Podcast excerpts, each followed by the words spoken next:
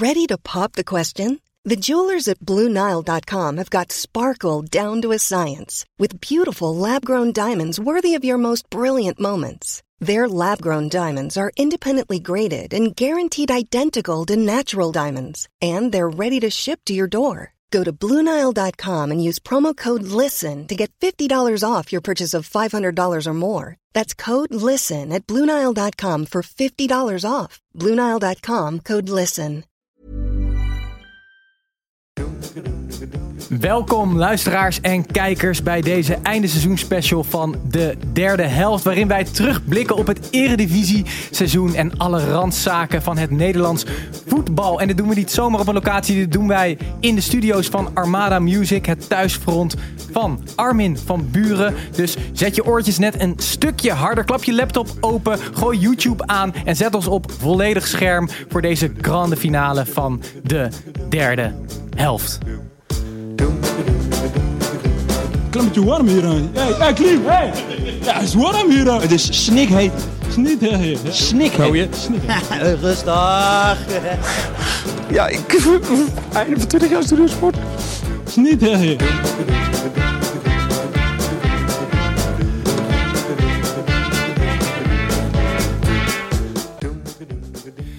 Welkom jongens, ik eh, ben nog steeds Titus na een heel seizoen lang. En ik zit hier, of sta hier zelfs in deze eh chique studio's die eruit zien als een soort eh, spaceship uit Star Wars. Met de basisopstelling. Nog steeds met de altijd iets te melige Gijs, zijn broertje. Altijd iets te kritische Tim en onze eigen cultheld Snijboon. Jongens, we hebben er een heel Eredivisie seizoen op zitten. Ik denk dat we zo'n 50, 60 uur met elkaar hebben opgenomen.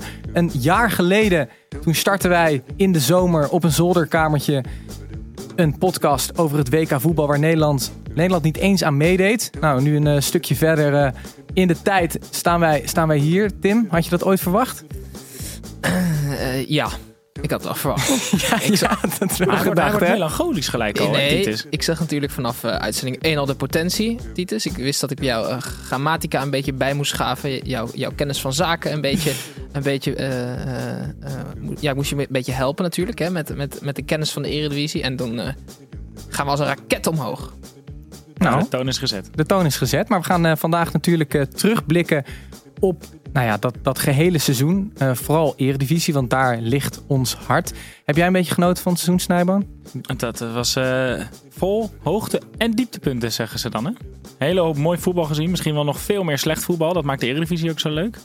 Dus ik heb, ik heb weer genoten dit jaar, zeker. Maar we hebben wel echt het seizoen uitgekozen om te beginnen, hoor. Want ja, er gebeurde wel van alles, hè.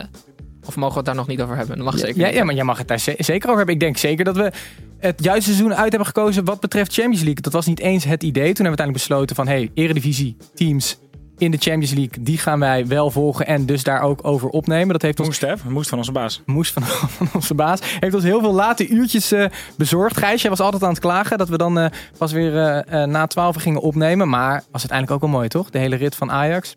Eerst een paar potjes PSV nog in de groepsfase. Ja, nou, ik had eigenlijk ingecalculeerd dat we na zes woensdagen klaar zouden zijn. Niets bleek minder waar. Dus eh, volgens mij hebben we tot het einde van de Champions League moeten zitten. Tot diep in de nacht. Dat ik eh, de volgende dag weer als een truck overreden op mijn op mijn baan aankwam. Maar het was wel... eh, ja, we hebben wel gelachen af en toe.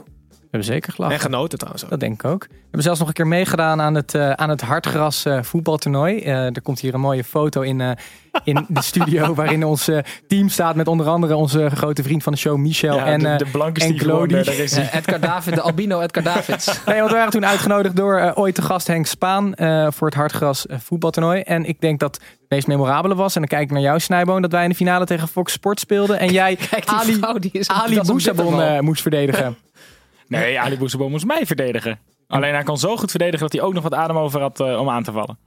Ik heb twee duels met Ali uitgevochten en die man is echt sterk hoor. Twee verloren. Ja, zeker. Ik dacht ook, tot daarna dacht ik eigenlijk dat hij tien jaar jonger was dan dat hij was. Dus ik, ik was, vond het best wel goed van ons. Dat ik echt zijn leeftijd ging googelen. Toen was ik iets minder onder de indruk. Hey, we gaan zo het eh, over het, eh, eh, nou, het seizoen hebben, de hoogtepunten, de dieptepunten. Ehm, maar misschien eerst heel even die, die titelstrijd. Want dat was denk ik eh, wel iets wat het hele seizoen, eh, zeker de tweede seizoen, zelf de kleur heeft gegeven. Tim, hoe heb jij dat ervaren? V- eh, PSV, Ajax, die tweestrijd? Ik vond het eigenlijk een, een half seizoen leuk. Namelijk, het eerste seizoen zelf was tamelijk saai. Ehm, je kon eigenlijk voor alle wedstrijden van PSV de total invullen en daar werd je totaal niet rijk van. En op het moment dat je dacht, ze gaan nu puntverlies leiden, waren ze wel in de laatste paar minuten zo goed om er nog even een paar in te schieten. Dus het was allemaal voorspelbaar de eerste seizoenshelft. En ehm, ja, de tweede seizoenshelft veranderde dat eh, eigenlijk. Is dit trouwens meteen al mijn hoogtepunt of mag nog niet? Nee, dat, Dat, dat, nee, Nee, maar wacht was, nog eh, even. was eh, een prachtige strijd tussen twee eh, mooie clubs. PSV heeft het eigenlijk heel erg goed gedaan, vind ik ook. En Ajax moest gewoon kampioen worden. Dat En- hebben ze gedaan. Gijs, eh, is Feyenoord dan eh, de lachende derde of misschien wel de huilende derde? Want het, is, het, het was wel eigenlijk altijd een, eh een rommel, rommelzooitje daar. Nou, in het begin van het seizoen nog niet echt. Maar naarmate de weken vorderden, werd het echt steeds meer een puinhoop. Giovanni van Bronckhorst, die zijn vertrek aankondigde. Marten van Geel, die zijn vertrek aankondigde. En eigenlijk, de fans bleven op een gegeven moment ook weg. Dus dat, dat zegt wel heel Veel over, eh, over de staat van Feyenoord. En ik weet niet of ze er nou nu heel veel beter op staan dan vorig seizoen. Sterker nog, er is zo ongelooflijk veel te doen daar... dat ik echt heel erg benieuwd ben of ze überhaupt de top 5 kunnen bestormen Nee. komende Ja, jaar. ze, hebben, ze, ze hebben drie technisch directeuren nu. Dus dat moet wel goed komen. Ja, of juist niet. Ja, of juist niet. nee. Ja, maar eh, Ajax en PSV zijn twee clubs die allebei in de lift zitten. Die gaan allebei omhoog. En Feyenoord gaat gewoon naar beneden. Ja. Zeg maar, alles, alles gaat daar op dit moment niet omhoog. Het gaat niet beter. Het gaat minder. De Ja. organisatie is kut. Er worden jeugdspelers weg, weg, weggehaald. Geroofd. ge- Weggeroofd. Ehm, Niks gentleman's agreement. geen jong Feyenoord. Nou, we hebben het er het hele seizoen al over gehad. Ehm, een, een trainer, geen technisch directeur. Een trainer die binnenkomt, die is binnengehaald door de vorige technisch directeur. En die wist niet dat Van Geel wegging. Dus eh, ja, ik... Maar dit is wel een voedingsbodem voor talent om door te breken. Want de vorige keer dat het zo slecht ging, eh, braken spelers als, als Wijnaldum en Ver door, die uiteindelijk het niveau van Feyenoord makkelijk aankonden. Dus soms zorgt dit er ook wel voor dat er juist talent opstaat. Ik weet alleen niet of dat talent deze, deze keer klaar staat. Het klassieke stapje terug om er misschien twee vooruit te doen, toch? Eh, Het, eh, het mooie is wel dat er gewoon, een, gewoon weer de traditionele top drie eh, ehm, op de ranglijst stond. Gaat niet lang meer duren, Titus. Nou, we, we gaan het allemaal meemaken. We kunnen dat nu nog niet met zekerheid zeggen. Wat we wel met zekerheid kunnen zeggen is dat eh, wij het vandaag gaan hebben, dus zoals eerder benoemd, eh, over de hoogtepunten voor het, van het Eredivisie-seizoen, dieptepunten. We behandelen natuurlijk heel veel dingen die eigenlijk al onze afleveringen afgelopen seizoen veel zijn teruggekomen, zoals de, de lookalikes. Wedstrijd van de week. Nou, daar maken we even wedstrijd van het jaar van. Veel weetjes die wij niet wilden weten. En eh, we kijken ook nog even hoe het met de Rayola's ervoor staat. Eh, de spelersstallen van, eh, van de heren hier aan tafel. Ehm, gaan we zo allemaal doen. Misschien nog heel even voordat wij dat allemaal gaan doen. We hebben heel veel, heel veel gasten in onze show gehad. Heel veel gasten bij ons aan tafel. En- Weinig vrouwen. Weinig vrouwen, alleen Fresia was, eh, was, was, was eigenlijk de enige vrouw. Ehm, wie, wie, wie, wie sprong er voor, voor jullie uit? Om te beginnen bij eh, Tim. Ehm, nou, ik heb eh, in eind december, dan ga ik altijd even nadenken over mijn, mijn plannen voor het nieuwe jaar. En een van mijn goede voornemens met betrekking tot de derde helft was: ik wil graag een Eredivisie-speler aan tafel hebben. En nou, ik was er zelf niet bij, maar we hebben Pelle Clement gehad. En dat was voor mij wel een hoogtepunt. Want ehm, een paar maanden eerder zaten we natuurlijk op jouw eerder genoemde zolderkamer, Titus. Ja. En voor mij was dit wel een teken dat we eh, toch wel een beetje eh, geloofwaardigheid hebben gecreëerd. En dat vond ik heel erg leuk. En Het het is ook nog echt leuk geweest als we Pelle Clement op die zolderkamer hadden gehad. Zeker, zeker. Maar hij, hij kan ook nog heel leuk lullen, dus hij deed goed mee. Ik wil net zeggen, want dat was wel het gevaar van moeten we er een voetballer bij vragen? Of gaat hij dan eh, ofwel politiek correct praten? Of praat een voetballer niet altijd even leuk? Maar dat viel bij Pelle heel erg mee, toch? Goeie gast. Ja, hij was vrij open. Ja, hij gaat natuurlijk niet al zijn vuile was eh, buiten hangen. Maar hij was vrij... eh, Over vuile was buitenhangen gesproken. Waar is jouw shirt? Ja, jongens, ik, heb, ik weet niet of jullie zondag geluisterd hebben. Maar ik heb toen ook al gezegd dat ik de hele tijd in Italië met dat shirt aanliep. en Titus heeft bezuinigd, dus ik mocht maar één shirt. Nou, die ligt nu in de wasmand. Ik wilde dat jullie ook niet aandoen. Nou, formaatje prima een vies shirt aan Ja, kunnen daar doen. kom je nu mee. Voor, voor de luisteraars, eh, deze aflevering is natuurlijk op YouTube te bekijken. We staan in zo'n chique studio met eh, pak een beetje 20 camera's om ons heen. Dus als je wil zien wat voor een shirt Snijboon dan wel aan heeft, of, of hij überhaupt een shirt aan heeft, dan kan dat gewoon. Ehm Gijs, wie was voor jou eh, de gast die er het meeste uitsprong? Ehm, ja, dat was voor mij eh, de- de- echt wel een, een verdette van weleer. En wel eh, een verdette qua het blazen op de fluit. Dick Jol. Ehm, om meerdere redenen vond ik, was dat echt mijn favoriete gast. Ten eerste omdat Tim hem een paar weken daarvoor met de grond gelijk had gemaakt. Vanwege zijn overtreding van de wet. Ten tweede omdat Titus er die middag niet was. eh, en die in pure stress zat of het überhaupt allemaal wel goed zou komen. En ten derde, omdat meneer Jol de studio niet kon vinden, wat echt tot hilarische tafereelen leidde. Hij, hij, eh, hij stond bij een, bij een pompstation. Hij is vier keer rond de studio gereden en... Nou ja, goed, ik zal de woorden die hij in de, wo- in de mond nam maar niet uitspreken. Maar het was echt, eh, het was echt genieten. Ehm, Maar Gijs, ja. En hij had ook- leuke verhalen. Ik vond echt... Nou, er heb- zat iemand aan tafel die een Champions League wedstrijd heeft meegemaakt op het veld. Hè? een, een finale gefloten, hè? Champions League finale. dat- ja, precies. Jij zegt Champions League wedstrijd. Je moet het mooier maken. Oh, sorry. Dan het is. Eh, mag ik nog even Hij heeft de? Champions League gewonnen. Ja, Tim, ga je gang? Hij is de Champions League. Jongens. Nee, luister. Het, wat ik ook mooi vond aan Dick Jol is... en Je moet even uitleggen, Gijs. Ik heb hem toen gekapitteld om het feit dat iemand met een hakbel achterna had gezeten. Zonder dat ik wist dat hij een paar weken daarna in de studio zat. En het mooie Gijs was... denkt, ik noem geen naam en Nee, maar luister nou. Hij was de studio nog niet uit. Of Dirk het geluidsmannetje zei... Wacht, was hij dat? Dus hij, dus hij had het verhaal van mij wel gehoord. Hij had geen idee dat dat Dick Jol was. Dus dat vond ik ook wel, eh, wel mooi. Ja, sowieso eh, heel veel eh, speciale mensen in de show gehad. En soms ook nog ingespeeld op de actualiteit. En dan kijk ik naar jou, Snijboon. Want eh, wie is jou eh, het meest bijgebleven? Maar er was, er was een soort combinatie van actualiteit en, en, en jeugddroom. Was dat? Want ehm, we hadden Frank Kramer in de uitzending. En die was toen eh, helemaal hot, was hij. Kijk, eens, dit is de mooiste foto. Die heeft hij zelf naar me opgestuurd. Toen was hij net in het nieuws geweest omdat hij bij zijn laatste wedstrijd als commentator... op een hele aparte plek, Snijboon. Ja, wij kijken hier nu in de studio naar een eh, foto die op het beeldscherm komt. En ook voor de YouTube-kijkers Oh, te bezichtigen oh, oh. is. Maar Snijboon, ga door. Ja, maar die was dus in zijn laatste wedstrijd bij Eurosport. Was hij er helemaal klaar mee. En heeft hij eh, een uur lang eh, gezongen. eh, de, de beursnoteringen doorgenomen. Poëzie voorgedragen. En, en weet ik wat niet meer. En ja, iedereen wilde hem aan tafel hebben. Maar hij belde jou volgens mij gelijk. Van ik wil alleen maar bij jullie mijn verhaal doen. Precies, zo, de- zo, zo groot waren wij toen al. Zodat- Hij, ehm, hij kwam de studio binnen. En ik was ik, Frank Kramer. Ik keek vroeger als kind het Eurogoals. En de Afrika Cup. Dat waren mijn twee favoriete dingen om te doen. En beide werden verhaald door Frank Kramer. Dus ik was ontzettend vereerd dat hij er was. En hij kwam binnen, dus eh, wij zeiden... joh Frank, kom we gaan even zitten, neem even een bakje koffie. Praten we alvast wat voor, hebben we het er even over. Frank zegt, nee nee, ik ga hier wel de krant lezen. Roep maar als je me nodig hebt. gewoon geen woord met hem gewisseld voordat de microfoons aangingen. Maar dat geeft ook wel een leuke dynamiek. En uiteindelijk was hij hartstikke eh, vrolijk en eh, zeker wel bespraakt. Maar dat, wisten we natuurlijk al. Ja, nee, Maar- ik, eh, ik heb genoten van hem. Het was natuurlijk niet, eh, niet alleen maar, eh, alleen maar eh, hoe zeg je dat? Een roze geur, maneschijn. dat daar was ik naar op zoek. Koek en ei. Hosanna. Ehm, want wij hebben ook een gast gehad, eh Glody, Glody Logungu, zeg ik dat goed Tim? Nee, Lugungu. Lugungu, eh, de, de cabaretier van Comedy Train. En op zich was er met hem niks mis. We hebben een hele leuke uitzending gemaakt. Ehm, maar er gingen wel wat andere dingen mis. Wij zaten tot, eh, tot laat in de, in de studio op te nemen. Voor mij was het na een Champions League wedstrijd. Ja. En ehm, toen ging ik daarna naar huis. En ik denk dat de trouwe luisteraars dit wel weten of gehoord eh, hebben. Want eh, toen werd ik gebeld door eh, ons geluidsmannetje Dirk rond een uurtje of twee. En toen dacht ik dat kan niet goed zijn. En die meldde mij dat er door technische problemen twee geluidssporen van Snijboon en van mijzelf ontbraken. En hoe we dat gingen oplossen. Nou, dat heeft volgens mij tot een uitzending geleid die niet heel veel mensen hebben eh, weten af te luisteren. Wij spraken Freesia de week daarna op het Hartgas voetbaltoernooi. En die zei, ik vind jullie hartstikke aardig, maar dit kon ik, dit kon ik niet vol luisteren. Voor mij kon, voor mij kon niemand, niemand dit vol luisteren. Ehm, maar voor de rest, volgens mij een hele, hele handvol eh, andere mooie gasten. Sjaak Zwart, Sjaak Polak, Ja, eh, Henk Spaan al eerder genoemd. Eh, ik denk toch dat we veel eh, leuke mensen gesproken hebben uit de Sascha voetbalwereld. Visser. Was Thomas ook- Rijsman. Gaan we ze allemaal opnoemen trouwens? Nee, maar- ook. Nee, dan is, dan is de kans veel te groot dat we er één vergeten die dan boos wordt. we hebben dezelfde vraag uitgezet bij onze luisteraars. En eh, eh, veel mensen eh, zijn het met elkaar eens. Freesia vonden ze eh, leuk om, te, om te naar te luisteren, maar vooral om te kijken. Zo Mhm. eh, Bolly Nick en eh, Peter eh, Gillingham. Eh, Gillingnin, iets in die richting. En één iemand Gewoon vond, Peter. vond ook eh Glody Lugungu de leukste gast, ondanks het geluid.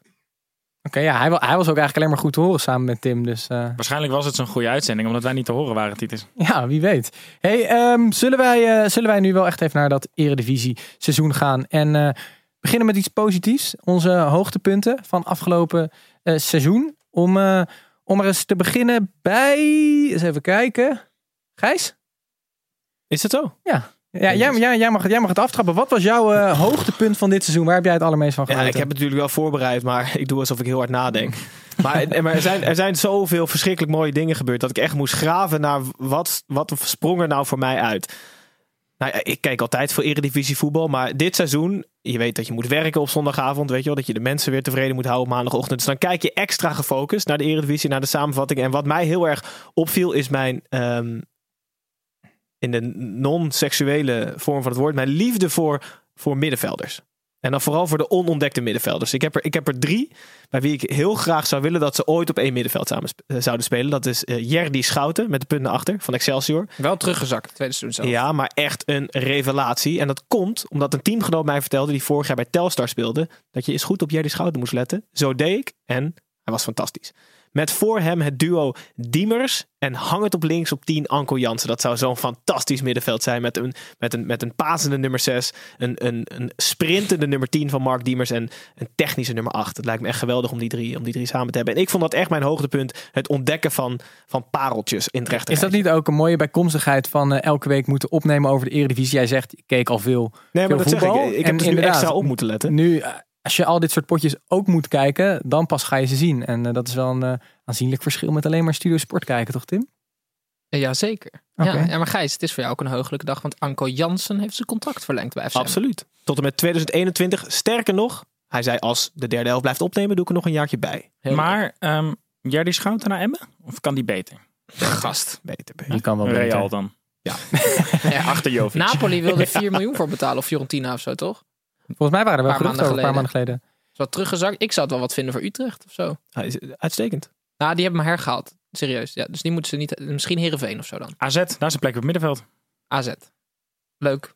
Leuk. Doen we dat. Klaar? Nou, top. Wie belt hem? Vond u, eh, vond- zijn jullie met me eens? Of wil je me helemaal Nee, met de grond in bo- de grond in bo- Nee, Nee, ik- jongen. maar jij, jij zei, ik denk ongeveer een dag nadat jij dat van die teamgenoot hoorde, eh, eh, was jij al lyrisch over Jerdy. En eh, vlak daarna kwam ook een interview met Jerdy waaruit bleek dat hij ehm, spelletjes op de training, die boeien hem dus niet. Dus een potje voetvolley en zo, daar wil hij dus helemaal niet aan meedoen. Want hij wil helemaal niet het naar zijn zin hebben. Hij wil gewoon supergoed worden en trainen en beter worden en het beste uit zichzelf halen. Dus alles wat een spelvorm was, daar hoefde hij eigenlijk gewoon van zichzelf Niet niet aan echt mee een te doen. hele lage teamgenoot dan. Hoezo niet? Nou, ik bedoel, het is ook wel leuk om soms even een beetje te ballen. Hij wil gewoon winnen. Maar eh, we moeten ook even uitleggen waarom hij zo goed is. Uh, Jerry Schouten is gewoon een eng complete middenvelder. Ja. Hij is, hij, ik heb hem namelijk tackles zien maken à la Frenkie de Jong. Hij is, het is een beetje een Frenkie Light, vind ik. Hij kan verschrikkelijk goed voetballen. Hij kan ook, eh, als hij even aanzet, loopt hij zo twee, drie man voorbij. Te moeiteloos. schuiven. Hij durft in te schuiven. Hij, durft, hij blijft altijd rustig. Zeker. En ik vind vooral inderdaad die onderscheppingen. Want hij heeft volgens mij, is hij v- van alle spelers in de Eredivisie, staat hij in de top 5 eh balveroveringen. Zeker. Dus eh, ik, ik ben een groot fan. En eh, ja, ik, eh, hij gaat natuurlijk niet in de, in de keukenkampioen ballen. Eén, één doelpunt dit eh, seizoen, meer dan genoeg. Was jouw, een eh, jouw- beetje Frenkie. was jouw hoogtepunt van Anko Jansen die streep in de Ja. laatste minuut? Ja, ja, ja. Dat hij dat nieuwe net moest betalen in, eh, Oei, in. Genieten van een meter of 35, ogen dicht, halen en dan met armen gespreid richting de harde kern rennen. Jongen, ik geniet. En dan op je knieën schuiven of dat kunstgas, allemaal bloed en zo. Maar het maakt allemaal niet uit. Maar, maar sowieso Emmen en dan zeker met, eh, met Anko Jansen voorop. Dat was, dat was jouw grote liefde dit seizoen, toch? Is. Is. Dus dat krijgen we volgend seizoen weer elke... Nou, Is ze- dat wel in seksuele zin? Ja, Hey, ehm, heel Emmen. Snijboon. Lekker die hunebedden. Snijboon, wat was jouw hoogtepunt? Ja, we hadden het net al over één held van mij. Ik, eh, wat, wat Gijs met Jerry Schouten had, dat had ik ehm, aan het eigenlijk vanaf het begin al met Michel Flap. Eh, ik, ik- Michel Flap is een speler die een, eh, compleet ander postuur heeft dan het type voetbal wat hij speelt. En daar ben ik altijd gelijk door geïntrigeerd. Ehm, hij begon lekker dit seizoen. En hij is eigenlijk nooit slechter gaan spelen. In een, in, bij een, een club waar het... Mm. Twee, hij, hij werd iets minder, maar hij ging van een 9,5 naar een 9,3. Ik vond juist dat hij re- redelijk ehm, flats begon. Dat hij na een wedstrijd of 7, 8, dat hij echt, echt in vorm kwam. En een wedstrijd, ongeveer na 30 wedstrijden, dat hij wel een beetje klaar was. Nee, toen, hij scoorde minder in die wedstrijden. Maar hij was nog steeds is hij de speler die iets creëert bij Herenveen. 16 goals, 6 assists als ik het goed heb. Eh, speelde alles. Mooi duo met eh, Sam Lammers ook. Twee jonge Hollandse spelers die er echt vol voor gingen. En die eigenlijk, nou vind ik, met z'n tweeën een club die een ongelooflijk zwaar weer zat. Zowel op als buiten het veld. eh, hebben eigenlijk deze twee jongens hebben Herenveen een heel grauw seizoen ehm, eh, gegeven. Maar een grauw seizoen was denk ik het allerbeste wat voor Herenveen in zat. Hadden, had Heerenveen kunnen degraderen als deze twee jongens er niet waren Ja, geweest? absoluut. Denk Ik, ik ook. sterker nog, ik denk dat ze volgend jaar in degradatiegevaar gaan komen. Ja? Ja, ik heb eh, tot nu toe nog niet veel gezien van eh Johnny Jansen, Nee, de nieuwe trainer. trainer zonder naam, zonder faam, dat wordt eh, heel zwaar. Er mag gaan nog heel even- negen basisspelers weg. Dus ik ben bang voor SC Heerenveen volgend seizoen. Maar P-. PSV heeft echt goud in de klauwtjes met Lammers ook, Ja. vind ik. Wil je dat zeggen of niet? Nee, ik wilde nog heel even, want, want het beste van Michel Flap hebben we nog niet behandeld. Dat is dat we hem gewoon ook aan de lijn hebben gehad.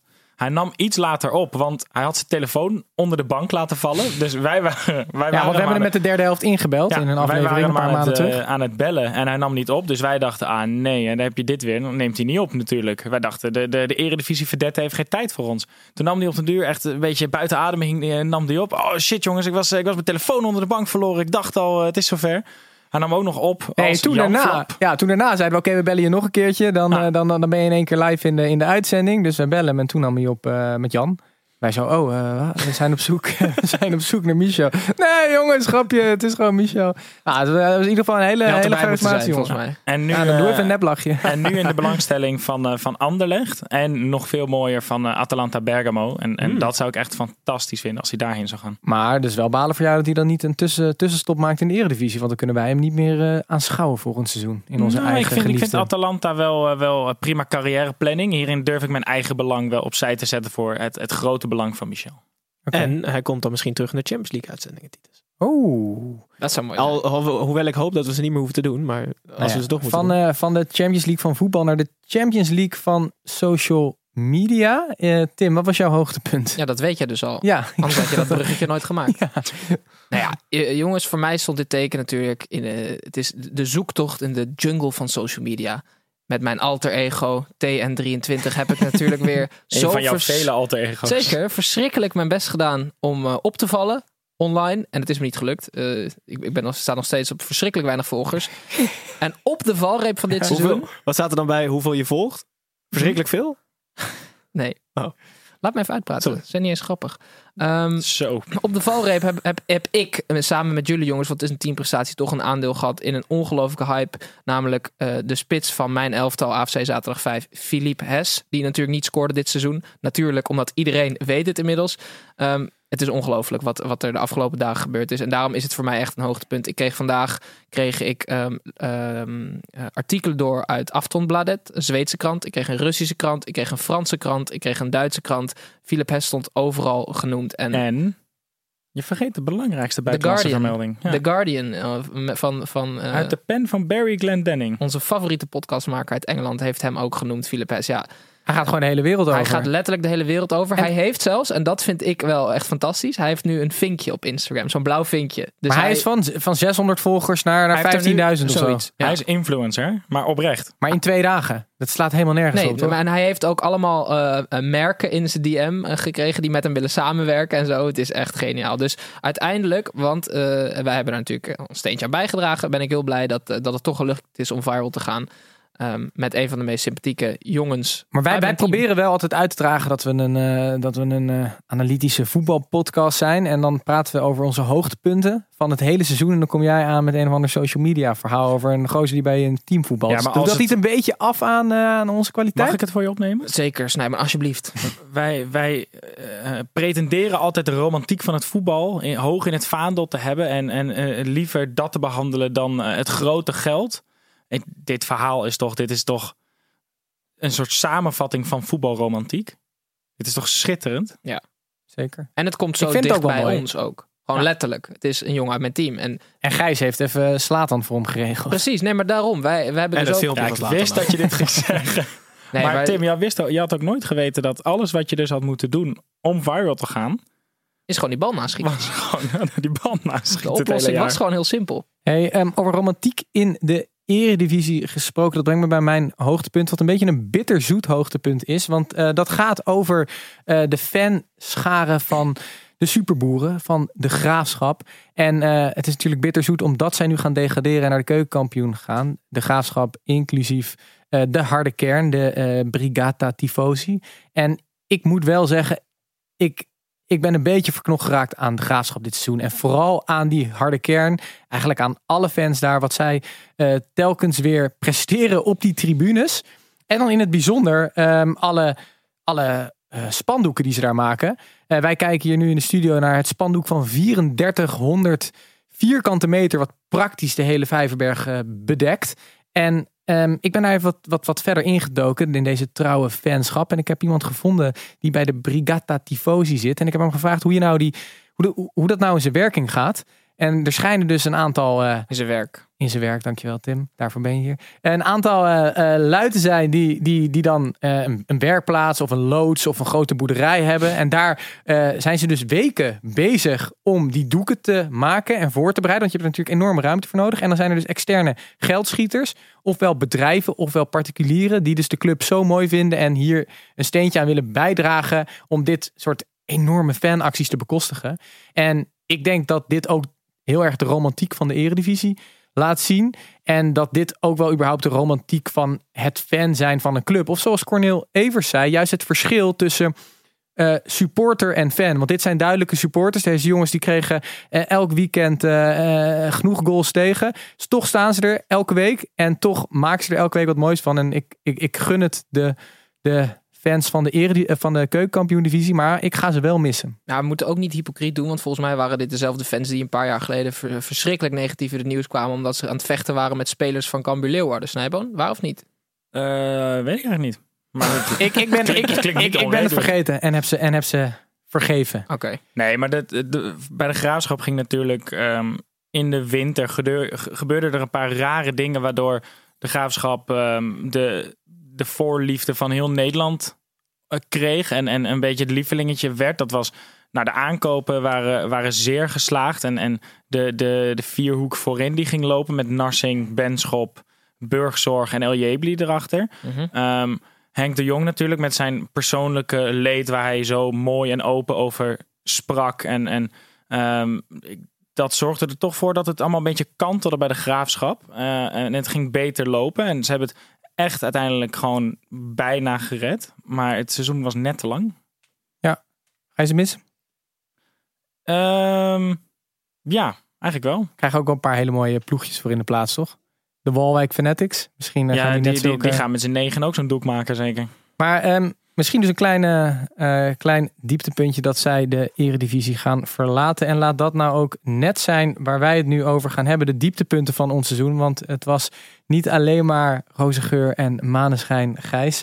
Eh, er gebeurden ook minder leuke dingen. Waar hebben jullie je bijvoorbeeld aan geërgerd? Of eh, wat dan ook. Wat was voor jullie het dieptepunt om te beginnen? Bij Tim? Ja, ik vind het leuk dat de KNVB de nek heeft uitgestoken voor, eh, voor vernieuwing met de VAR. Maar ik heb me wel echt kapot geërgerd aan een aantal verschillende situaties. Ik bedoel, de VAR is in het leven geroepen om eh, met behulp van technologische middelen eh, menselijke fouten uit te sluiten of te corrigeren. Ehm er- natuurlijk, heel veel momenten in Nou. het voetbal blijft blijft moeilijk. eh, Laat hem zijn punt eerst maken. Sorry. het blijft, moeilijk te beoordelen omdat daar een mening ehm, in het spel is. Dat is gewoon eh, super subjectief. Maar een van de weinige dingen waar heel veel voor de VAR, waar heel veel eh, controverse over was, is, is iets nou buitenspel of niet? Want dat was altijd afhankelijk van het menselijk oog. Nu hadden we de VAR, dus je dacht, oké, daar hebben we in ieder geval geen omkijken meer naar. Wat blijkt nou? Dat in eh, stadions niet genoeg camera's hangen om dat gewoon juist uit te voeren. Terwijl als jij een plan maakt, Snijboon, en, en je wil eh, de, en, je, en je wil met de VAR, ehm, je kan, de VAR is volgens mij de perfecte oplossing om zoiets als buitenspel tegen te gaan. Absoluut. Dan zorg je er toch voor dat je daar de middelen voor hebt. Maar weet je wat alles... Maar, maar is het niet alsnog wat- beter dan vroeger? We, we hebben Dick Jol in de uitzending gehad. Ehm, toen, toen, hij, toen hij floot. Ehm, het is toch alsnog een verbetering geweest? Ondanks Nee, maar het is, dus ik denk dat er ook één ding.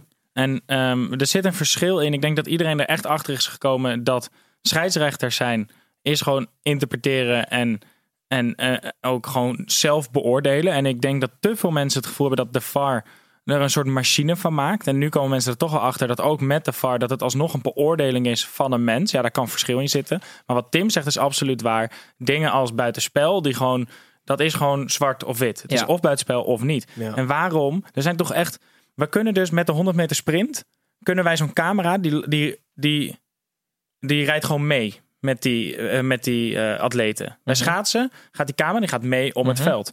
Je kan mij niet vertellen dat de KNVB niet het geld heeft. om in elk stadion gewoon zo'n camera te zetten. die met de laatste lijn meerijdt. En dan zie je altijd of het buitenspel is. Of ze moeten er gewoon een paar van hier pakken. Want hier hangen er 28 op eh, twee vierkante meter. Ja, wie weet. Kan je ze schenken? Nee, maar de, ja, ik, vind- ik Het ben een hoogte en een dieptepunt. Ja, ik ben eigenlijk wel positief gestemd. Want ik vind het, het haalt heel veel weg bij het gezeik dat scheidsrechters vroeger over zich heen kregen. De spelers stopt met protesteren, want de VAR heeft het toch wel gezien. Dus ze geloven het. En ten tweede, wij hebben het over de VAR. We hebben het niet over die slechte scheidsrechter op het veld. Dus ik vind het eigenlijk een heel erg goede eh, tool Oké, dan, dan heb ik toch iets om jou boos te maken. Eh, wat vind je... Is Wat, is over je moeder, denk ik. Ja. wat vind je dan van grensrechters die vlaggen, maar dat het dan geen buitenspel is? Terwijl ze eigenlijk horen, ze, ze moeten eigenlijk wachten, weet Ja. je wel? Omdat je het nu de VAR dus hebt. Ja, ja, ja, ja. En dat ze dan vlaggen, Ja. doelpunt afgekeurd, maar het was geen buitenspel. Maar dat, zijn, Daar groei, toch dat zijn groeipijntjes toch? Kan ik nog wel boos van worden, of groeipijn? Ja, Ja, zeker. Ja. rustig. Eh Snijboom, waar kan jij eh, boos om worden? Dat was jouw dieptepunt van dit seizoen. Ik kan echt om ontzettend veel dingen boos worden. Dat hebben we gemerkt. Dat doe ik dan ook. Ja. Ehm, m- mijn dieptepunten, we hadden het net al even over fanscharen die het niet verdienen om te degraderen. En ik, ik vind de fanscharen van NAC Breda, dat is nou echt, dat is een eredivisie fanscharen. Die verdienen het gewoon. Nee, Champions ja, League. vind ik ook. Ja, oké. eh, nou, Europa League. Oké. Nee, Champions League, uiteraard. Omdat ze zoveel drinken of ook omdat ze gewoon hele goede sporters Nou, zijn? bij NAC druipt de humor er gewoon vanaf. En de zelfspot. En dat zie je bij verschrikkelijk weinig andere supportersclubs. Dus Nou, ik ben het wel met je eens. Ze komen gewoon altijd. Ze hebben een bezettingsgraad van, ik heb het even opgezocht nog. Even kijken. 103 procent. Nee, 97,9 procent. Ah, Nou, als je bedenkt wat voor potten wij van NAC hebben gekeken dit jaar, dan is dat toch. Dat is, dat is, dat is een soort UNESCO-wereldwonder, is dat, dat daar zoveel mensen zitten. Er zitten dus elke week, of om de week, gewoon ruim 18.000 mensen die zich helemaal lazarus suipen. Die ook nog eens echt achter hun club blijven staan. Ook al is het echt. Nou, het is alsof je aan boord van de Titanic het hele jaar zit. En dat is gewoon na de winterstop. En echt liedjes als een- zingt dan. En, en het ook nog naar je zin hebt. En dan ook gewoon nog dat de dag na de degradatie... dat gewoon een gigantisch aantal van die fans... ook nog eens de seizoenskaart gewoon verlengt. Ja, ik, ik ga NAC wel echt het meeste missen van die drie clubs. Maar is het niet ook een beetje mooi dat er dus dit soort clubs nu in de keukenkampioen-divisie spelen? Dat die steeds leuker en levendiger Daar wordt? hebben wij absoluut geen baat bij, Titus. Ik vind het een hele raar ik- vraag. de, de fans van NAC verdienen echt de eredivisie. En die verdienen ook echt beter management. En een betere selectie. en ze verdienen meer bier. Zo, Nee, dat vind, ik vind meer. dat het dieptepunt. 18.000 man die ik het allemaal niet gunde hoe dit gelopen is. Aan de andere kant, ze krijgen wel meer avondjes nak dan ooit volgend seizoen. Omdat ze heel veel op vrijdag spelen. Ja. Vrijwel elke week. Oké, nou dat is dan weer gezellig. Voor de mensen in Breda. Hey Zeker. Gijs, waar, eh, waar heb jij je aan geërgerd dit seizoen? Ja, nou, ik zit eigenlijk een beetje in hetzelfde straatje als, eh, als mijn broer, eh Tje. En ehm, ja, ik, heb me, ik heb me heel erg geërgerd aan, eh, aan eigenlijk de KNVB als instantie. En sommige dingen hebben ze best goed gedaan. Die, die verplaatsing van de speelronde, gewoon, gewoon een beslissing nemen. KNVB-maffia komt hier op de schermen, ben ik het helemaal mee eens. Maar Tim, doe maar even. Vol- Nee. Ze hebben dus een veranderagenda eh, doorgevoerd met regels als je mag als wissel volgend seizoen overal het veld uit. Verdedigend hands is niet altijd hands, maar aanvallend hands is wel altijd hands. Dat soort onzin, terwijl ze de basis van het spel, namelijk de ondergrond en de afmetingen van het veld, zijn totaal niet ter sprake gekomen. Hoe kan je nou? En de bal zelfs ook, hè? De bal? Ja, dat is ook bal. verschillende ballen. Maar vooral het veld en de ondergrond. Hoe kan je nou week 1 op een veld van 90 bij 40 spelen. En week 2 op een veld bij 100, van 105 bij 60. Wat ook nog eens een andere ondergrond is. Dat is toch ongelooflijk Ja, het- dat dat nooit iemand zich afvraagt. Net als dat je op Roland Garros in de, de e- eerste ronde op gravel speelt. En Ja. dan zeggen, zeggen ze, ja, tweede ronde speel je op gras. En Nee, het- en nee, het- de tweede ronde speel je onder water. Ja, en het, service, en het servicevak is ook nog groter. Hoe, hoe, kan, dat, hoe kan dat nou? Ik, ik vind dat echt, jongen, de wat, wat, is er, wat is er mis met, met die organisatie dan? Want dit is, dit is gewoon dat dat, dat Geld. hele orgaan niet goed werkt. Is dat geld? Nee, de KNVB moet gewoon laten zien dat ze een normaal verstand het is, hebben. Het want is te democratisch, Tim. Al die, die, het zitten 34, volgens mij 34 eh, vertegenwoordigers van alle clubs daar. Eh, je moet een meerderheid hebben, of, of zelfs een unanieme, een unanieme stem, waardoor de mensen met kunstgas altijd tegen zullen stemmen. Als KNVB moet je gewoon zeggen, dit is het. Nou, maar dit moet je hebben om deel te nemen aan de competitie. En zo niet, gewoon- dan doe je niet mee. Een veld van 100 bij 50 met gras zou een lekker begin zijn voor een nieuwe competitie. In plaats van als wissel mag je nu ook bij de cornervlag eruit. Waar slaat het nou op zeg? ja, ik ben, dat ben ik helemaal met je eens. Zeker. Mag ik ook? Dan, ze hebben ook twee regels doorgevoerd voor volgend jaar die wel heel leuk zijn. Dat is Ja, maar namelijk dat, zijn, dat je... dat zijn allemaal weer, weer Ja, maar ik kleine probeer, de, mensen proberen, eh, die luisteren ook naar ons omdat ze het naar hun zin willen hebben. En die raken helemaal bedroefd van jouw Maar tirade, dit zijn dieptepunten, hè, Snijboon? Zeker, dat is waar. Maar je mag niet meer als aanvaller binnen een meter bij de muur staan bij een vrije trap. Daar ergerde ik me toch altijd aan, jongen. Dat je dan zo'n spits in je. Die, die, ging dan in je rug porren en zo. Dat is eruit. Oké. Maar als je een En- lange arm hebt, kan dat alsnog. Dat is waar. Nee, want dan zit je alsnog binnen een meter. Ja, dus als je als muur dan zo gaat staan, ik doe het even voor, dan moeten zij dus nog verder weg. En Ah. de betere regel is nog dat een verdediger een uittrap gewoon in de 16 aan mag nemen. Oh ja. Ja, Want oké. dat, dat was er Oké. altijd buiten. En Ja. wat de regel dus was, was dat als je dus dan een hele slechte bal van de keeper kreeg, dan zou je in theorie dus heel snel de 16 in kunnen rennen om die bal te pakken. Want dan mocht je de uittrap gewoon opnieuw nemen. Ja, dat slaat ook En als je hem gewoon in één keer keihard achter je keeper schiet, dan is het dus geen goal. Dan moet hij opnieuw genomen worden, toch? Eh, ja, zeker. Ah, Gijs, we merken wel dat jij eh, in ieder geval... Hij heeft overigens volledig gelijk, hè, Gijs? Ja, als Over Michael van. Praag of wie er ook de voorzitter is tegenwoordig nog luistert, jongen. Gras, 100 Nee, bij maar die is 5. Nou, het zit diep bij je. Het zit Ja, diep nee, bij je. ik vind het boos. echt Maar belachelijk. Ik je daarvoor, daarvoor was, waar zijn deze dieptepunten Michael ook? van Praag is veel te druk met foto's maken van lege stadions. Bij, eh, bij, mij, eh, bij mij zit er ook wel wat, eh, wat, wat diep. Want wij hebben natuurlijk, eh, dat, is, dat is ook meteen mijn dieptepunt. Ehm, wij hebben een rubriekje altijd aan het eind van onze aflevering. En eh, daar voorspellen wij dingen. Dat noemen wij dan ook eh, matchfixing. En dat is eh, gebaseerd op eh, het volgende filmpje. Dan voor de luisteraars audiofragment. Eh, van matchfixing. Vermoeden van matchfixing, moet wel zeggen vermoeden. Want ik heb daar geen bewijs voor natuurlijk. Maar ik zie nu pas dat dit Snijboon is op het filmpje. Hij is mijn broer. Ehm, deze, eh, deze, deze rubriek is toch eigenlijk gewoon gefaald. Wij hebben hier Ja. zo vaak dingen voorspeld. Er is bijna niks van uitgekomen. Nou, spreek voor jezelf. Maar ik ben het met je eens. Spreek voor jezelf. Ik heb tenminste nog Liverpool voorspeld als Champions League winnaar. Ik heb En dan- Frankrijk als WK-winnaar. Ja, dat is een AZ andere- ander seizoen van de derde helft. Excelsior degraderen. Ik heb alles goed voorspeld. Ja, ja. Jezus. Wat ben je ook Wil- een pedant rot, jongen, af en toe. hè? Wil je, dit, wil, je dit, wil je dit rubriekje erin houden? Want ik wil Nee. eigenlijk een aankondiging doen van eh, volgend jaar gewoon geen matchfixing meer. Nee. Dat heeft gewoon niet gewerkt voor Adieu, ons. matchfixing. Dat is verschrikkelijk slecht. Je moet soms ook kritisch zijn op jezelf. En dat doe ik dan bij deze. Wij voorspellen dat matchfixing niet terugkeert. Nou, dan hebben we waarschijnlijk... Ik voorspel dat hij Eindelijk wel terugkeert. hebben, we- hebben we eindelijk een, eh, een, een voorspelling die uitkomt. Hey, laten wij doorgaan. We hebben een ander rubriekje wat hopelijk eh, wel goed is eh, bevallen. Ik heb daar nu even niet de jingle van bij de hand. Dat is eh, de, de lookalike. Ah. en, Gijs, zing jij het even. Nee. Nee, doe ik niet. Ehm, dat, ehm, waar wij natuurlijk altijd iemand van buiten het veld vergeleken met binnen het veld. Nou, nu is eh, Tim en, en wij allemaal een beetje eh, daar wat verder ingedoken. En hebben wij het, eh, het lookalike team van het jaar samengesteld. En eh, dat, laten we dat even doorlopen. Want eigenlijk elke, elke sport, sportmedia die... die Medium. me- die, die, die, Hij die, weet die, dus die drie zinnen plaatsen, van tevoren weet hij dus al wat je gaat zeggen, maar weet hij ook al welke fout je gaat maken.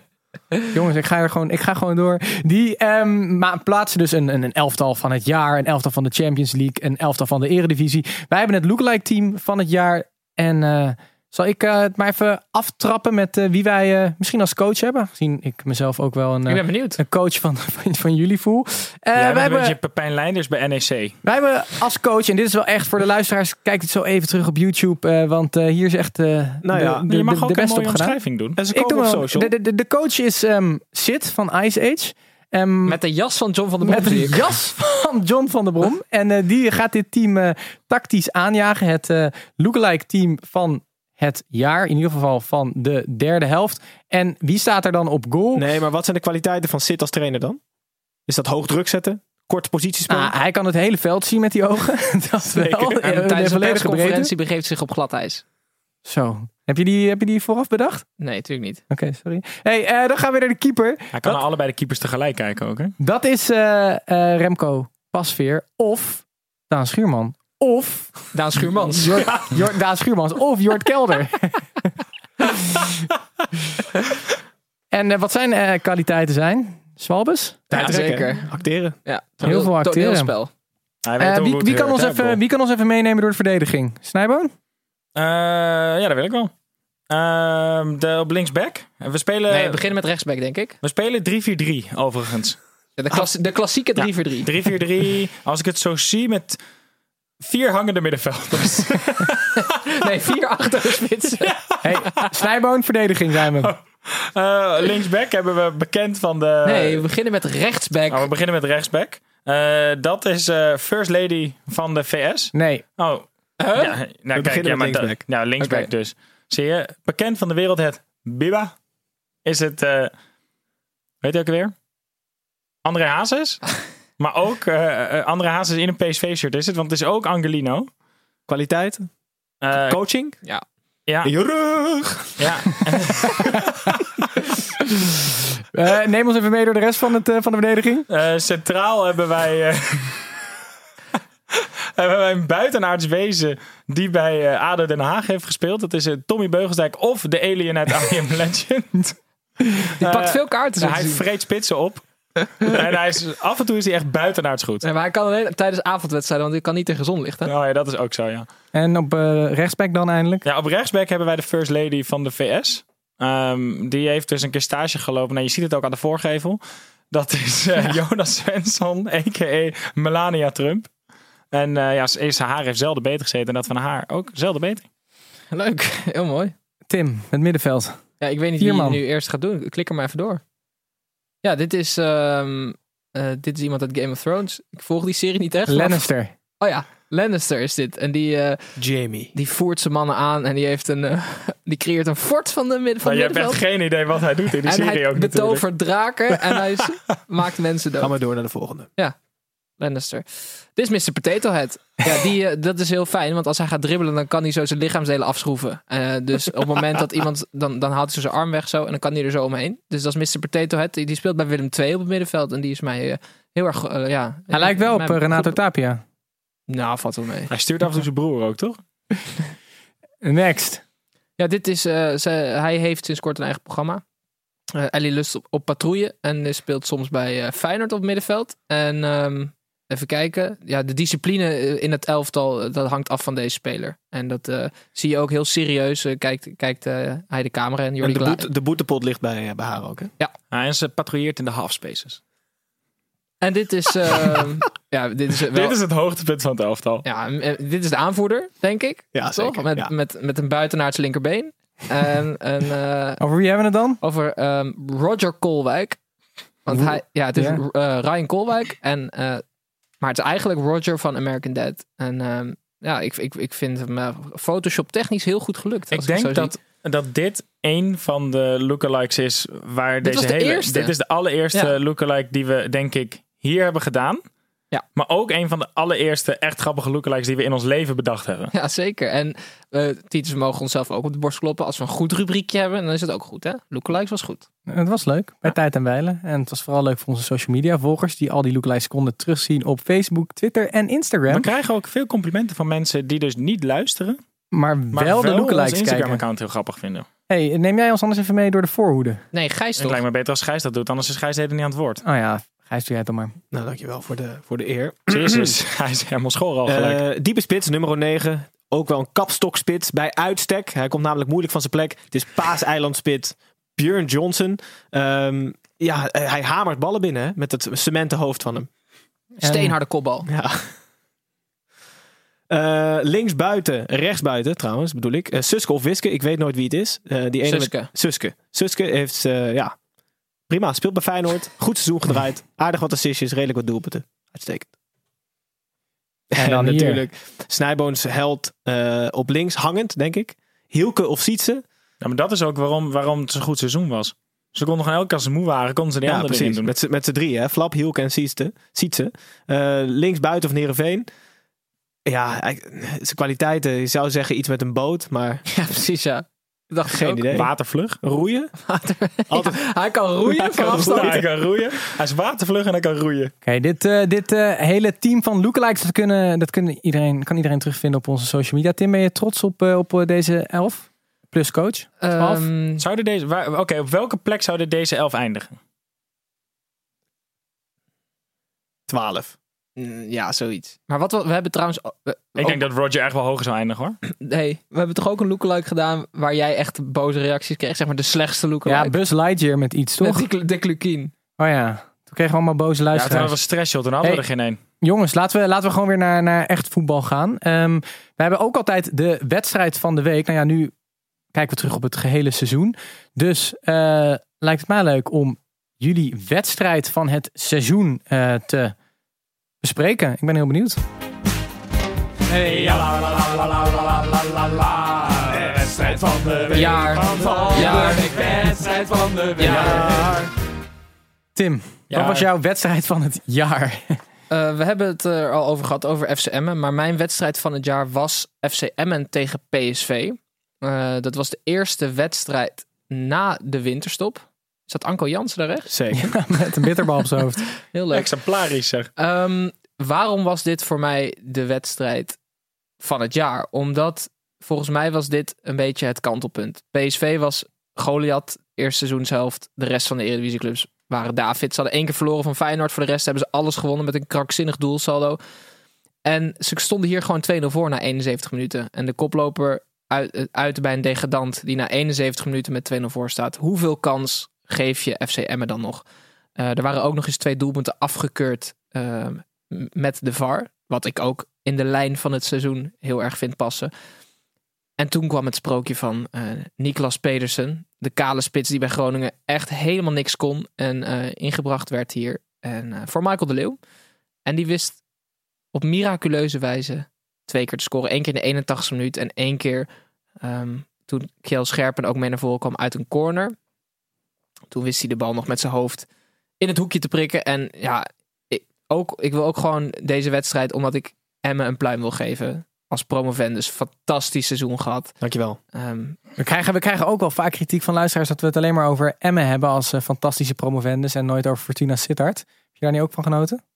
zeker. Fortuna zeker wel. Sittard was te degelijk. Die waren eigenlijk vanaf het begin al gewoon zo goed dat het Ja. Ja, maar bijna niet bijzonder was. wat ik ook een beetje tegen Fortuna heb, is dat ze een hele rijke eigenaar hebben daar. Met heel veel geld. En dat het op die manier een beetje kunstmatig in leven gehouden is en gegroeid is. En Emmen vind ik gewoon echt een heerlijke dorpsclub. Wat aan het begin van het seizoen een camping elftal genoemd werd. Maar je Onder zou- leiding van Ben Havenkort, hè? scheidsrechter van de Zeker, Leer. ook hartstikke mooi. Iemand uit de streek. Maar je zag ook na deze wedstrijd, eh, de, de vijf wedstrijden hierna, had PSV drie keer gelijk gespeeld.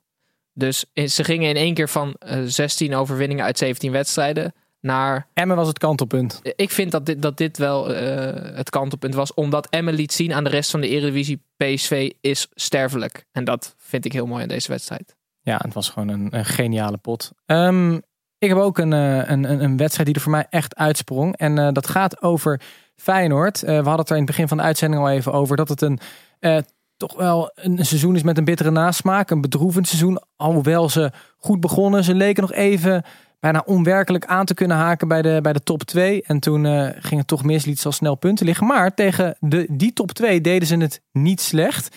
En daarom Het wil ik beste van allemaal, volgens mij. Hè? Precies, en daarom, daarom wil ik ook eh, een wedstrijd aanhalen die eigenlijk laat zien dat Feyenoord misschien nog wat slechte seizoenen tegemoet gaat, maar dat ze dit seizoen niet met lege handen stonden. En dat is als natuurlijk de wedstrijd in de Kuip, wat misschien voor, voor mij wel als de, de, de onofficiële, het onofficiële afscheid van Van Persie eh, wordt gezien. De 6-2. En ik denk, als je aan een Feyenoorder vraagt, eh, is je seizoen is je seizoen helemaal verkloot.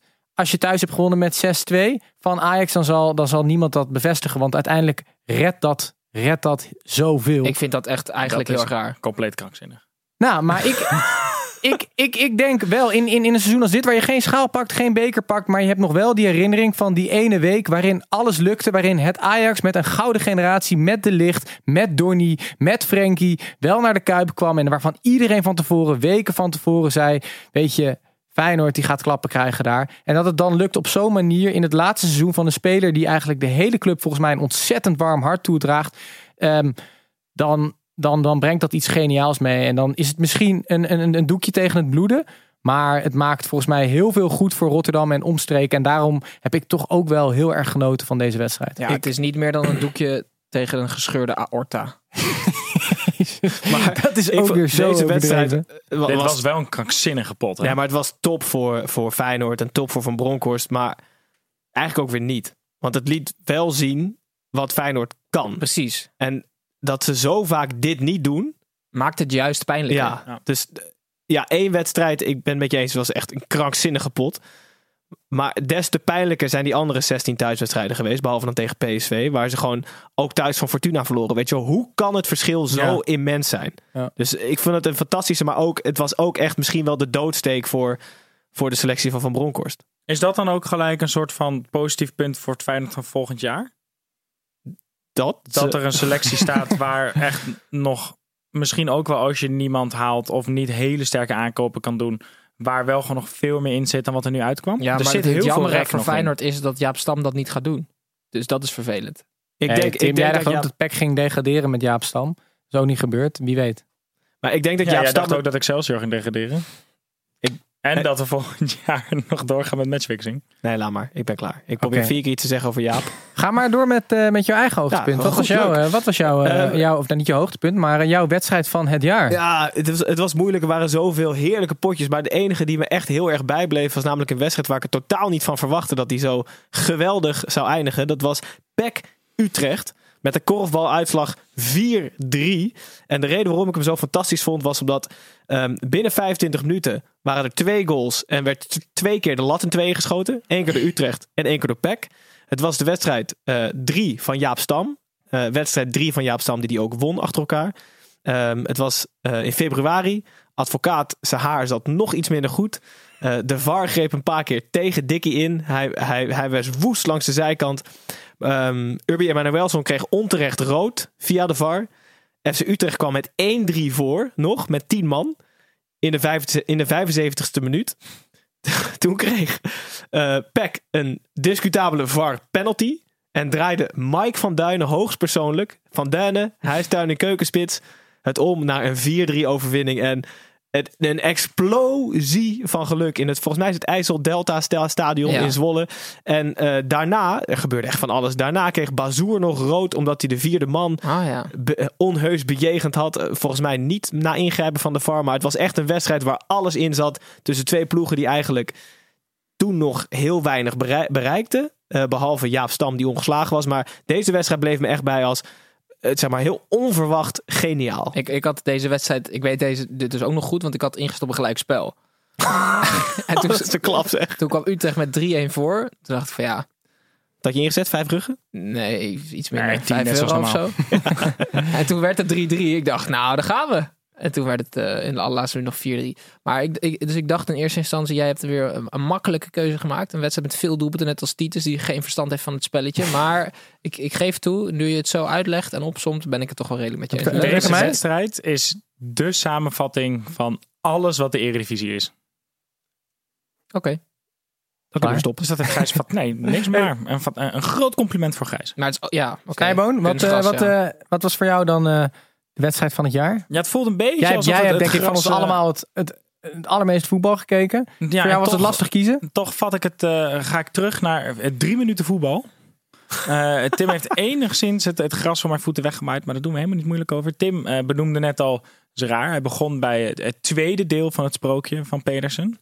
En ik wil graag terug naar het eerste deel van het sprookje van Pedersen. Eh, we gaan terug naar 16 december. Eh, Groningen-Emmen. Is een, verschrikkelijke zaadpot. Het is echt niet om aan te gluren. Drie minuten voor tijd Inderdaad, ja. maakt Mahide 1-0. En al die Groningers, jongen, die, die, die wrijven hun handen al warm. Die denken, mooi, we pakken lekker drie puntjes. En Pedersen, die bij Groningen heeft gespeeld, die bakte er daar helemaal niks van. Die kwam terug naar Emmen, die bakte er helemaal niks van. Later bleek dat hij ook helemaal geen knieën meer had. Dus dat het ook ontzettend lastig allemaal voor hem was. Maar die maakte dus in de, na de 87ste minuut, maakt hij in de 89ste minuut en in de 92ste minuut Ongehoord. in het stadion van Groningen maakt hij twee goals. Waardoor Emmen met 2-1 wint bij Groningen. Nou, echt. Dat is, dat... Tim zei vorige week over. Wat was het? Ik heb geen idee. Eh, over iets. De ontknoping van RKC. Als je dit als filmscript instuurt, ja, dan wordt het afgekeurd omdat het te onrealistisch is. Nou, dat was dit ook. Dat is ook met dit. Dit is, het, dit is zeg maar. Weet je, wel, als je een, een soort coming-of-age film zou maken van een voetballer. En je zou zijn hele carrière doorlopen. En in je laatste seizoen, terwijl je al net niet meer op je benen kan staan. Maak je nog net even twee goals en, score, en sleep je drie punten binnen. Tegen die club waar je hebt gespeeld en niet goed behandeld bent. Ja, dat is echt een voetbalsprookje. Maar vooral het contrast met de allerslechtste 89 minuten uit de Eredivisie, toch? In deze wedstrijd. Dat waren die ervoor. Ja. Ja. Ja. ik heb deze wedstrijd dus echt helemaal gekeken. En dit was zo'n wedstrijd die je in de 85ste minuut uit had kunnen zetten. Omdat je er echt geen zin meer in had. Zo. Ah, ik denk toch als ik dit zo hoor, eh, we hebben weer heerlijk genoten van onze geliefde eredivisie. Het was elke week was er wel iets zaligs om over te vertellen. Precies. We hebben begonnen dit seizoen eh, met heel erg te hypen dat de eredivisie veel mooier was dan misschien sommige mensen dachten. Maar volgens mij is dat ook wel gebleken. Er is nog steeds heel veel gescoord, nog steeds onwerkelijke eh, scenario's die zich hebben voorgedaan. Zoals dit sprookje van, eh, van Pedersen. Ehm, prachtige potjes. En eh, hopelijk eh, komend seizoen nog veel meer. Eh, laten we doorgaan naar een, een volgend rubriekje. Wat we al een tijdje niet meer hebben langs zien komen. Dat is namelijk de Rayola's. Wij hebben namelijk... ehm, of jullie drie hebben eigenlijk allemaal een spelerstal samengesteld van drie spelers. En ehm, we zouden kijken hoeveel die toen jullie dit deden. Een x aantal maanden geleden. Hoeveel ze dan waard waren dat was in de winterstop. En eh, hoeveel ze volgens transfermarkt.nl in waarde zouden zijn gestegen aan het eind van het seizoen. Dus dan kunnen we daar mooi de balans op maken. Kent u eh, Mino Raiola? Heeft inmiddels meer euro's verdiend dan die hersencellen heeft. Zo'n dik hoofd, past niet eens in zijn eigen pizzaoven. Die naam kunt u verder vergeten. Denk je dat hij nog langs wil komen als gast? Hij is geschorst, dus hij wat tijd over. Ja, misschien. Ik zou het wel heel Maar- leuk vinden als hij langskomt. Maar dan moeten we niet deze foto laten zien die nu op het beeldscherm Maar staat. joh, Dick Jol kwam ook nog langs. Hey eh, Tim, jij was natuurlijk eh, het hele seizoen vrij boos over dit rubriekje. Mhm. Omdat een niet nader te noemen persoon in deze ruimte Stanks in zijn spelerstal had Ja, dat opgenomen. was Laten we, Snijboon, toch? ja, dat was Snijboon. Laten we het daar eventjes niet over hebben. En eerst eh, jouw eigen spelerstal langs gaan. En kijken hoeveel zij gestegen zijn in waarde. Jij had Tim Stendem. De foto is ook weer heerlijk. Ja, dat is een goede vraag. Ehm, ik weet hoeveel ze nu waard zijn, maar ik weet niet meer hoeveel ze in de winststop waard waren. Dat kon ik even niet ter- terughalen. Dus slecht huiswerk gedaan, Tim. Ja, je hebt helemaal wist, gelijk. je wist dat dit rubriekje Maar- langs zou komen. En of het protest is tegen dat vieze beleid van Snijboon. Maar hoeveel zijn ze nu waard? André Vidigal, dat is een buitenspeler van Fortuna, van Weleer. Die is nu eh, op een gegeven moment eh, in de winterstop is hij verkast naar Apoel Nicosia. Die is trouwens voor anderhalf jaar verhuurd. Dus officieel staat hij nog wel onder contract bij Fortuna. Die is nu 650.000 euro waard. Is niet mis. Is niet mis. Ga maar door. Wie had je nog meer? Gustavo Hamer, een middenvelder van Pek Zwolle, die ik ooit een wereldgoal heb zien maken bij Dordrecht vanaf zijn eigen helft. En dat heeft mij Die eigenlijk... begon goed dit seizoen. Zeker, maar hij heeft Hamer. nul keer gescoord. Dus eh, die is 6 ton waard. 600.000, wel iets gestegen dus. Niet veel. En natuurlijk mijn pareltje, waar ik alles mee goed maak. Het toptalent van Vitesse, Thomas Buiting, die aan de lopende band scoorde. Ja, wat denk je dat hij waard is? Anderhalf. Twee Ja. ton. Echt? Ja, die moet dus nog bijgewerkt worden. Oh, die is wel niet bijgewerkt. Als je even Ah, maar daar ga je nog wel wat op pakken hoor. Wat zeg je, Tiet? Daar, daar kan je nog wel wat op pakken als Nee, je 100%. helemaal bijgewerkt Maar is. ja, het is nu afgelopen, toch? Doen Ah, we 100% volgend weet jaar dat, je, dat je ook eh, één speler uit je stal mag vasthouden? Misschien kunnen we, kunnen we later bespreken. Laten we eerst eens, even... Ik, ik denk... ik eh, denk in ieder geval dat Tim, jij, jij hebt, la- laten we zeggen, 2, 2 3 ton eh, bij, bij gefietst op je tandem. En eh, Mooi. Gijs, is het jou iets beter vergaan? heb jij Nee, we hadden bij jou Gijs een, eh, zijn tripod. Tripod, ja. Eh, wie zaten aan jouw tripod? Aan mijn tripod zaten eh, mijn persoonlijke held Anko Jansen. eh, linksback eh, van Groningen Tim Handwerker. En eh, aanvallende middenvelder, vleugelflitser of spits. Aan het kunstgras van Venlo, Jonathan Opoku. Maar nu Tim zijn waarde opnoemt, Is het nou Tim, Tim of Timo Handwerker? Tim. Tim. Tim Handwerker. Maar nu Tim zo zijn waarde opnoemt en Gustavo Hamer 600k waard is terwijl hij niet gescoord heeft, is het transfermarktmafia. Want dat slaat echt helemaal nergens op. Nee, BNR beheert dat. Ja, ja de- a- mijn Samen Anko, met de KNVB. mijn Anko is nog steeds 5 ton waard. Voor het laatst bijgewerkt in december. Dus waarschijnlijk wordt hij 50 miljoen waard. eh, als ze het volgende keer bijwerken. Jonathan Ik Opoku denk het ook, niet hoor, dat is echt veel geld. ook slechts 5 ton. En eh, Tim Handwerker 7,5. Dus ik eindig met helemaal niks. Dus eigenlijk kunnen we nu al eh, de, de, de, de volgende als winnaar kronen. Of zeg ik dat veel te vroeg? Nee hoor. Laten we, laten, laten we heel even naar FC Snijboon gaan. eh, want eh, wie zat in jouw prachtige... eh, Hoezo heb je een ander hoofd op je eigen poppetje geplakt, Simon? Is toch gewoon jouw lichaam? Oké, ga door. Snijboon en niet lachen. Zo, Tim, hè, wordt hij dan. Eh, dit is wat ze noemen een, een clean sweep, hè, noemen ze dit. Vertel even We welke beginnen spelers... bij, ik heb, we beginnen bij de, de goedkoopste speler. Eh aanhalingstekens wel. Uh, Youssef El Jebli eh, is eh, tegenwoordig 8 ton waard. Hm. Ehm, Mitchell van Bergen. Een, een matig seizoen. Stond, eh, stond in de schaduw van, van het duo voorin. Prima seizoen. Prima seizoen. Nou, dat is te zien, want hij is 1,25 miljoen waard. En eh, ja, dan komt mijn, eh, mijn wonderkind, het, eh, de parel in mijn stal, eh, Kelvin Stenks. En eh, ja, die heeft het gewoon waargemaakt. Je zet in op een grote speler en je krijgt resultaat van een grote speler. Wat is het geworden? 5,5 miljoen. hm? Wat zei je? Vijf en- Vijf en een half miljoen. 5,5 miljoen voor Kelvin Stengs. Dat Snijboon. is een eh, totale waarde van 7,5 miljoen voor mijn spelerstal. Dus eh, jullie kunnen de pleuris krijgen. Ik, ik ga bij pensioen. Duidelijke, duidelijke winnaar van de Rayola's. Willen we dit spel volgend jaar nog een keer spelen? Met misschien iets andere regels? Vind ik wel, vind ik wel leuk. Maar iets Ja, andere... Maar dan bepaal leuk. ik de regels. En iets andere... Oké, kom maar door met regels. Dan kunnen we aan de luisteraars vragen of zij het eh, met, met dat Ja, nieuwe reglement eens zou je zijn. willen, KNVB Mafia? Ehm, andere bron sowieso. Want Elke linie. eh, is Nee. niet goed. Allemaal andere linie moeten spelers zijn. Dus vier linies dan, keepertje erbij? Ja, is goed. Is goed. Dat vind ik leuk. Ehm, Gast, we gaan hier nu toch niet alle regels even bedenken. Nee, dat bedenken Tim, we dat bedenk je lekker thuis en Oh, dan ja. eh, kan, je het, eh, kan je het delen in de een volgende tipje van de aflevering. sluier, hè? Was dit al? ja, je dat is hebt toch dat is eentje. wel leuk, hè? Ja. Maar Tim, we En ze blijven bij mogen jou. dan gewisseld worden van alle kanten van het veld. Tim, we blijven bij jou, want eh, een ander rubriekje was natuurlijk de eh, weetjes die wij niet wilden weten. Hoe lang duurt dit trouwens? Ja, dit duurt best wel lang nog, maar we kunnen daar in ieder geval even Hoe lang over zijn we praten. Een uurtje. Oh, lekker, zeg. een weetje, niemand wil het weten. Ja, ik heb een weetje. Ja, la la la la la la la la la la. Ja, la la la la la la la la. In deze jingle, de, de- ik, kan, ik luister altijd alleen maar naar de stem van Gijs in deze jingle. Dat is fantastisch. Ik ja. luister alleen naar die van Titus. Ja, maar er zijn, Ik alleen naar die van mij. Er, zijn, eh, er zijn heel veel weetjes die wij niet wilden weten eh, de revue gepasseerd. Ik, eh, ik moet bijvoorbeeld zelf denken aan het weetje van, van, van Rick Stijvenpik. Rick, Rick Hogendorp, eh, de, de, de, de, de, vedette van RKC. We hebben het eh Als ik hier sta, dan tikt hij net je oren aan, Titus. Nee, maar dat, eh, dat was een beetje van Tim, waarin... Je was niet eens in de uitzending.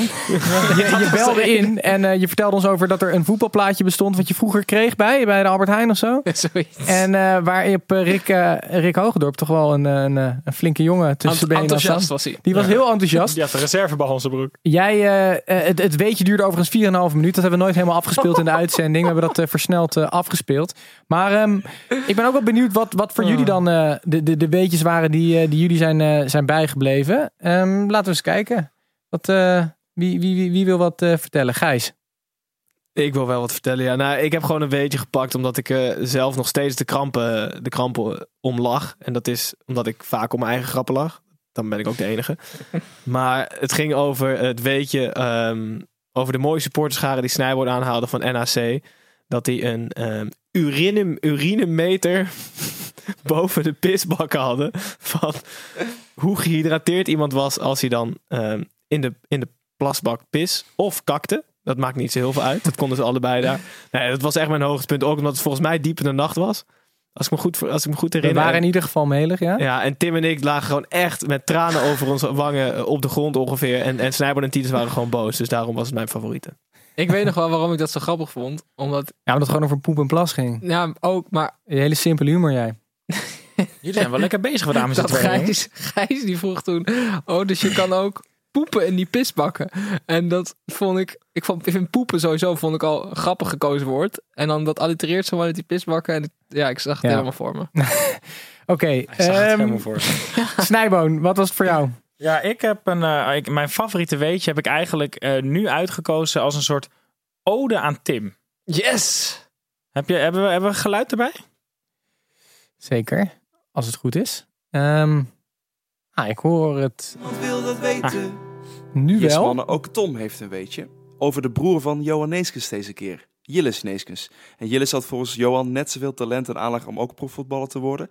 Waar het niet dat Jillis op een dag in een weiland in de Ah, prikkeldraad dit boeit viel. allemaal niet zoveel. Doe nog even één keer het begin. Ook Tom heeft een weetje. En niemand wil dat weten. Ook Tom heeft een weetje. En niemand wil dat weten. Kijk, en Yes, wat je hier mannen, dus ook aan Tom ziet, heeft een weetje. Tim met al zijn pedante gedrag en, en, en maniertjes maakt dus wel gewoon wat los bij de mensen. Hij activeert de luisteraars. En hij zorgt er dus voor dat iedereen zijn archieven induikt om ook zijn weetjes met ons te delen. Want we hebben best wel wat leuke ingestuurde weetjes gehad. Meester Snorbaard, eh, deze Tom, die heeft er meerdere opgestuurd. En een aantal luisteraars hebben ook hun weetje, favoriete weetje achtergelaten op onze sociale media. Zo is Super Sonny eh, is fan van Harry Nak. Ehm, Kiki Wolthuis is, eh, gaat heel ver terug in de tijd met een weetje over de hond tijdens het WK. Oh, En dan weet ik al ja. wat de volgende wordt, denk ik. Ja, van Wartfree de Geit. Ja. Punt. Dat was het enige. Ook van het WK. Even kijken of we er nog eentje hebben. Ehm, Nou, dan, hebben we dan zijn die luisteraars wel lang blijven plakken als ze ons nog steeds volgen. Ja. Een mooie... Maar ik geniet altijd heel erg van alle contributies van de luisteraars. In weetjes, in lookalikes. Dus blijf dat ook vooral doen. Want eh, als we ze al niet gebruiken, lachen we ons er wel eh, helemaal rot om. Hey Tim, wat, eh, wat was het voor jou? Ja, Een beetje zelfbevlekking, maar wat vond jij je eigen, je, je leukste weetje die van jouw eigen hand kwam? Nee, ja, die, die, van, die, van die fan ook, Harry Nak. eh, die, dat, die zei hetzelfde. Kijk, dit is hem. Dit is de man die in... eh, ja, het was dus... Soms zijn die weetjes slaan echt nergens op. En dan ben ik ook echt in paniek. En dan weet ik niet wat ik moet kiezen. En dan zoek ik gewoon wat geks op. En, Dat was die ene toen je in de tram stond in Rome. maar niet? deze... Ja, precies. Maar, maar deze help was, me even, Harry Nak. Ja, deze was per toeval ontstaan. Want ik wilde...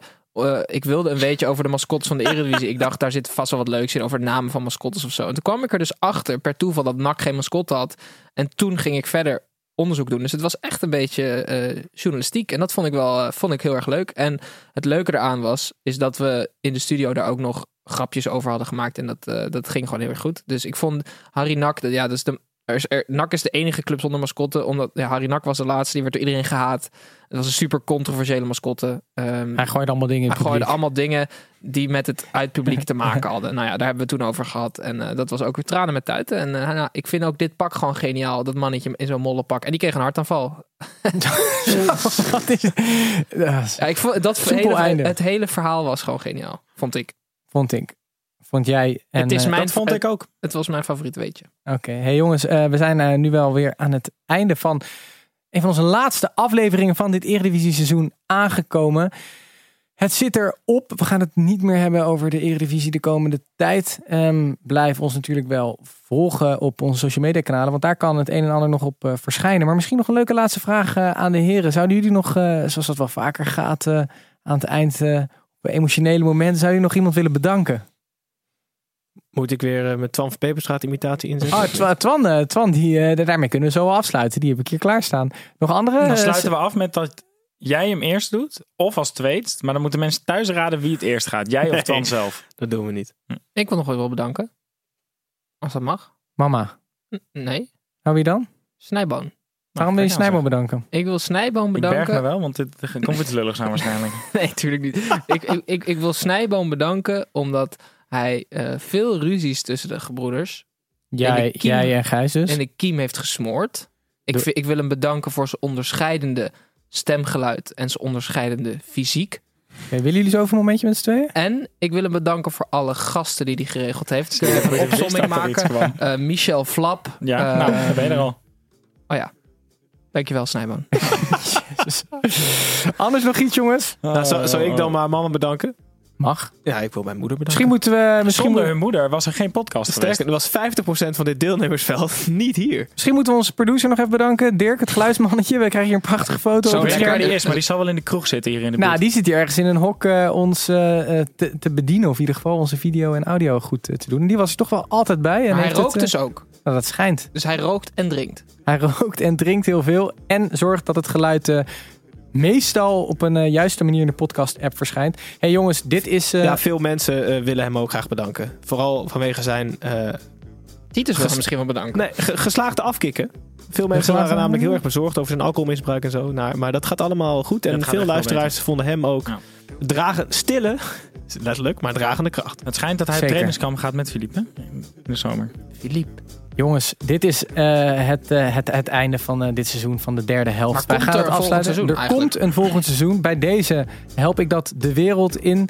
Ehm, volgens mij eh, kan, ik, kan ik voor jullie allemaal spreken. Ja, ik vroeg me af of Snijbo nog niet iemand wilde bedanken. Maar het is een soort een dubbeling. Hè? Ik heb net al een, een shout-out naar de fans gedaan. Maar dat wil ik nog wel. Want ehm, Heb jij een favoriete fan? ik vind... eh, maar ik denk dat mijn favoriet is Jeff Jojo. En waarom?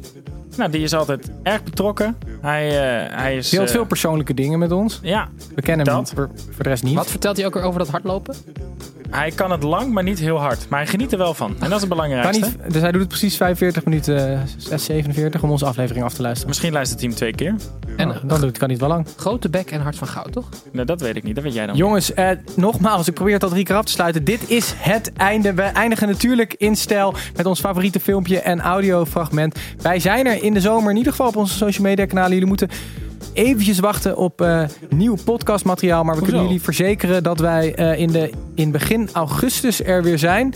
En ehm, ja, tot zover eh, was dit het van de derde helft. En eh, krijgen jullie nog een toetje van Wat je, van wat moet je nou zeggen, hè, Titus? Tja, en ehm, wat moet je nou zeggen? Er komt een... ehm, Ja, ik... Einde van 20 jaar studiosport. is moeilijk. Dat was het. Bedankt. Dank jullie wel. Alsjeblieft. 不错哈姐